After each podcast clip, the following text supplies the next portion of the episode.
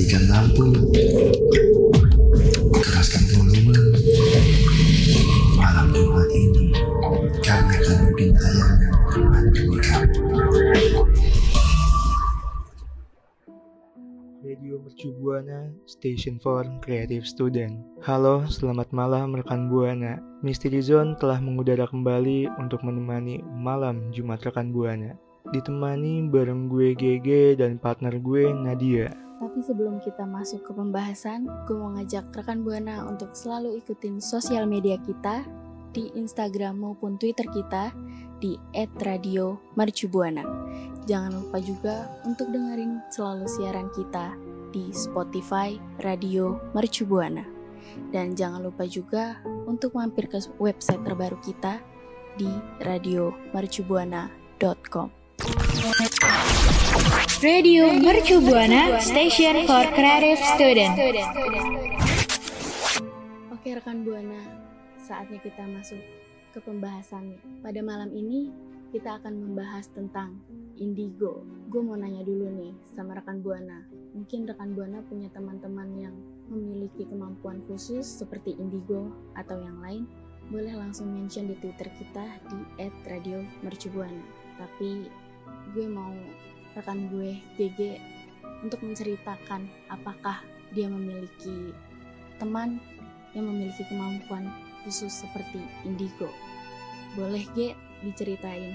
Oke, Nat. Ini eh, pengalaman gue ketika di SMP. Jadi pada saat itu adalah adik eh, kelas gue yang emang eh, satu sekolah tuh tahu bahwa dia ini anak indigo gitu.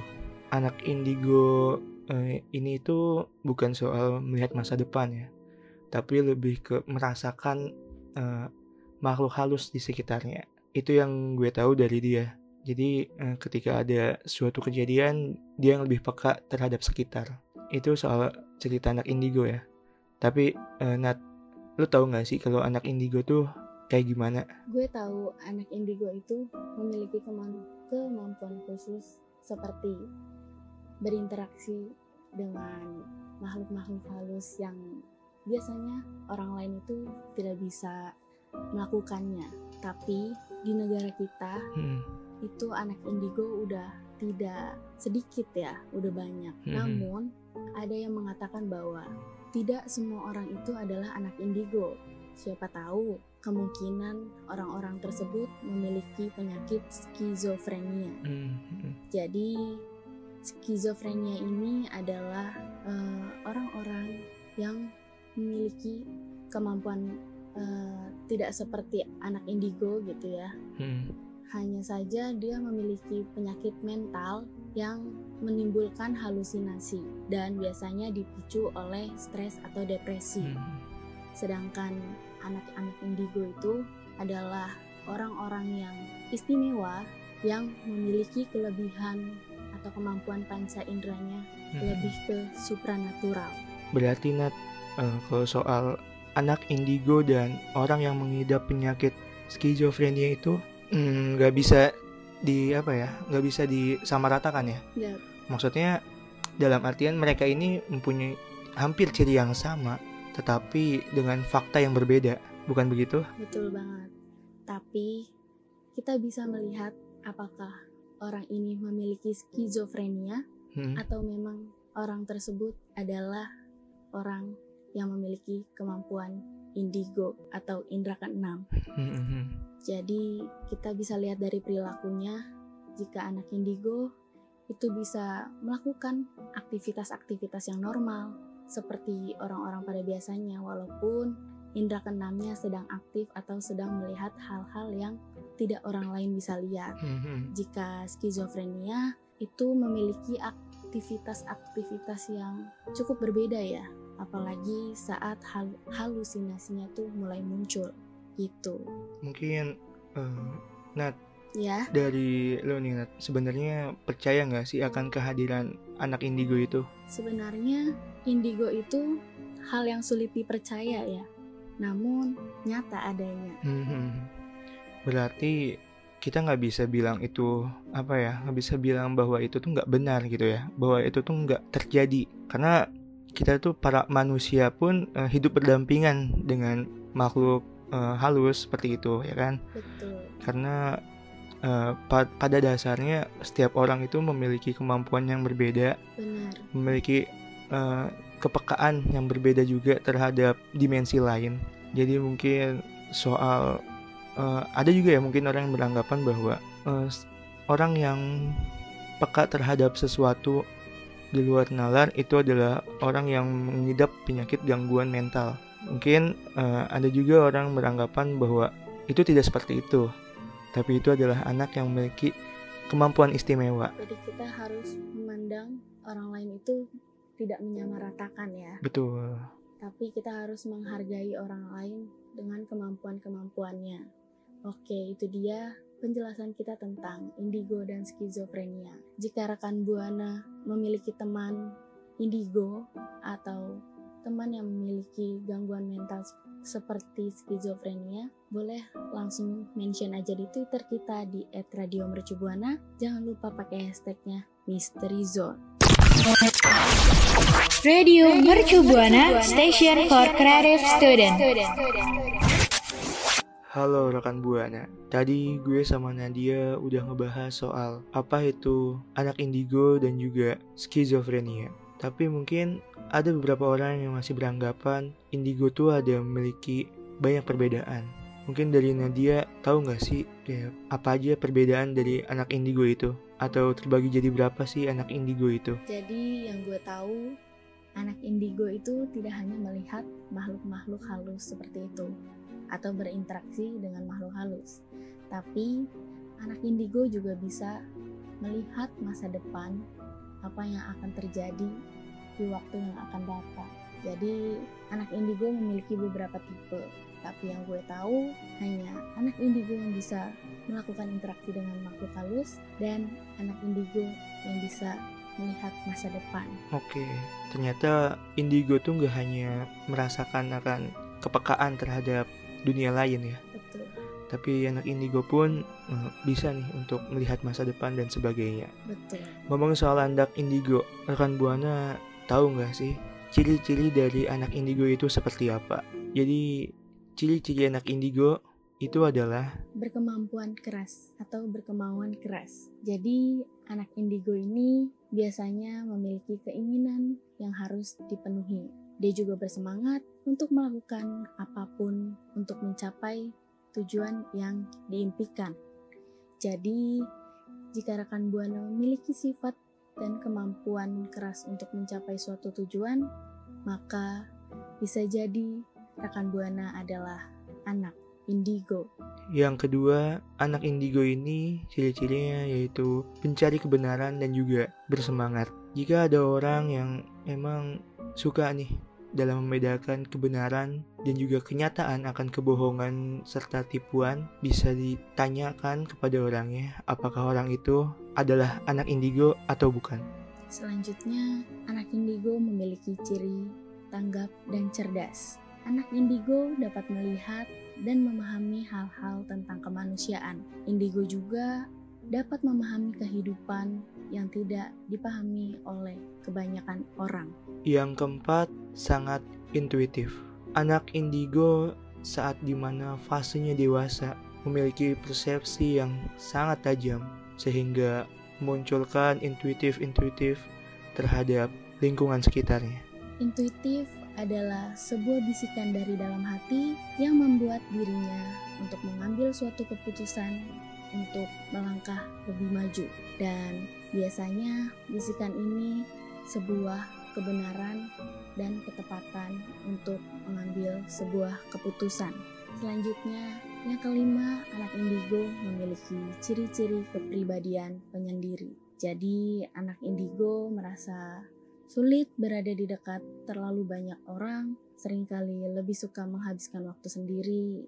Terkadang, anak indigo juga lebih tertutup karena jika ia menceritakan hal-hal apa saja yang terjadi kepada dirinya, maka jarang sekali orang yang mempercayai ceritanya tersebut. Bahkan bisa dituduh sebagai pembohong karena tidak semua orang memiliki kemampuan tersebut.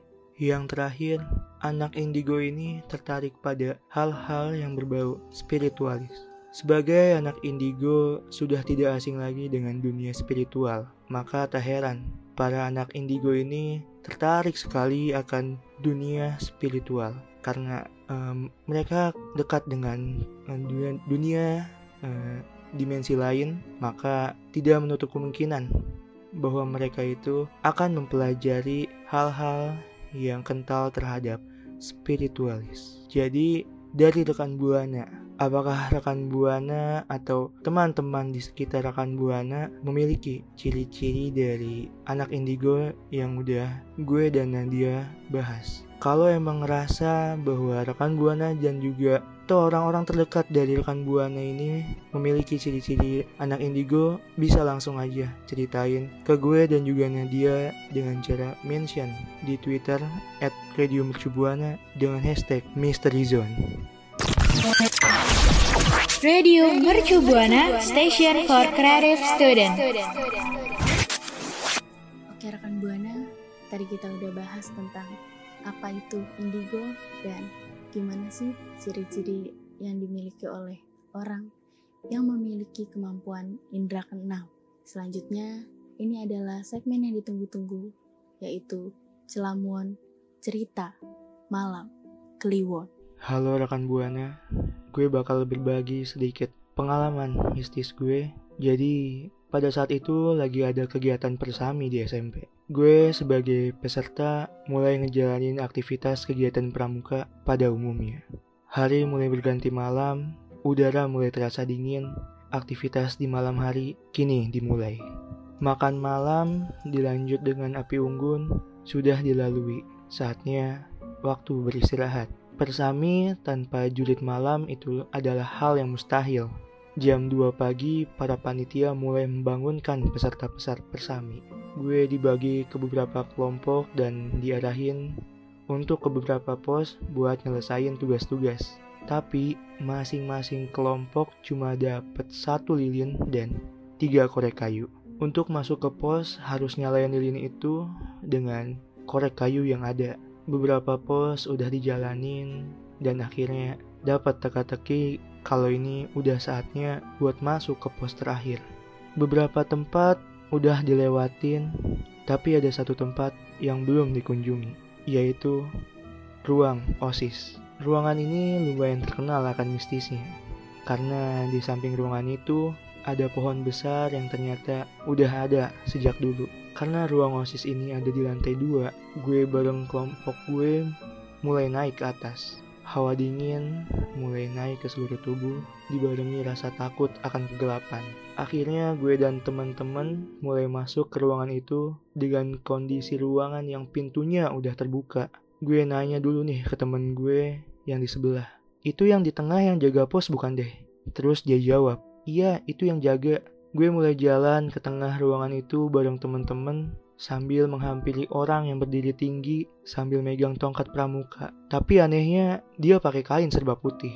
Gue sebagai ketua kelompok tanpa memikirkan banyak hal mulai laporan selayaknya masuk ke dalam pos. Mulai mimpin juga buat hormat sama si penjaga pos itu. Tapi tiba-tiba ada suara dari belakang, tepat di belakang pintu. Hei, kalian laporan sama siapa? Gue bareng teman-teman mulai kaget dan bertanya-tanya. Dan lanjut noleh ke belakang dan ya itu alumni yang jaga pos dengan berpakaian jaket dan juga training. Setelah bareng teman-teman itu noleh ke belakang, akhirnya kita balik lagi buat lihat ke tengah.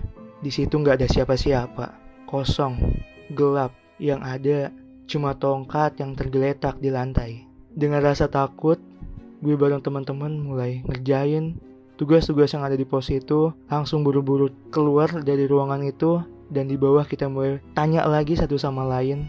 Eh lu lihat nggak? Lu lihat nggak? Dan mereka jawab iya mereka ngeliat sosok tinggi putih sambil megang tongkat pramuka dengan berpakaian kain. Jadi poin pelajaran dari kejadian itu bahwa sebenarnya kita itu hidup berdampingan dengan mereka. Tidak menutup kemungkinan bahwa kita akan bertemu secara langsung, kita akan berinteraksi secara langsung dengan mereka. Ini adalah cerita malam Kliwon yang gue bagiin untuk rekan Buana.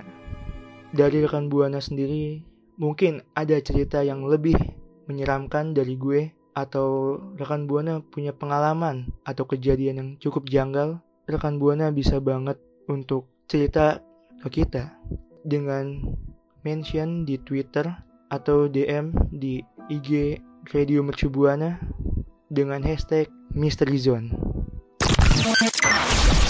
Radio Mercu Buana Station for Creative Student. Baik rekan Buana, itu dia tadi pembahasan kita kali ini tentang indigo, skizofrenia, dan juga Celamon. Dan sebelum kita mengakhiri siaran kita kali ini, gue mau ngucapin terima kasih kepada produser dari Misteri Zone, yaitu Kak Adam, dan operator kita, yaitu Reynaldi. Tapi sebelum selesai, gue nggak pernah lupa untuk ngingetin rekan Buana untuk follow sosial media kita di Instagram, Twitter, Facebook at Radio Mercubuana dan rekan Buana juga bisa untuk dengerin siaran program yang lainnya di Spotify Radio Mercubuana. Rekan Buana juga bisa untuk kunjungi website kita di www.radiomercubuana.com karena banyak banget artikel-artikel menarik lainnya di sana. Tanpa berlama-lama, gue GG pamit undur suara. Gue Nadia pamit undur suara. Sampai jumpa di malam Jumat selanjutnya. See you rekan Buana.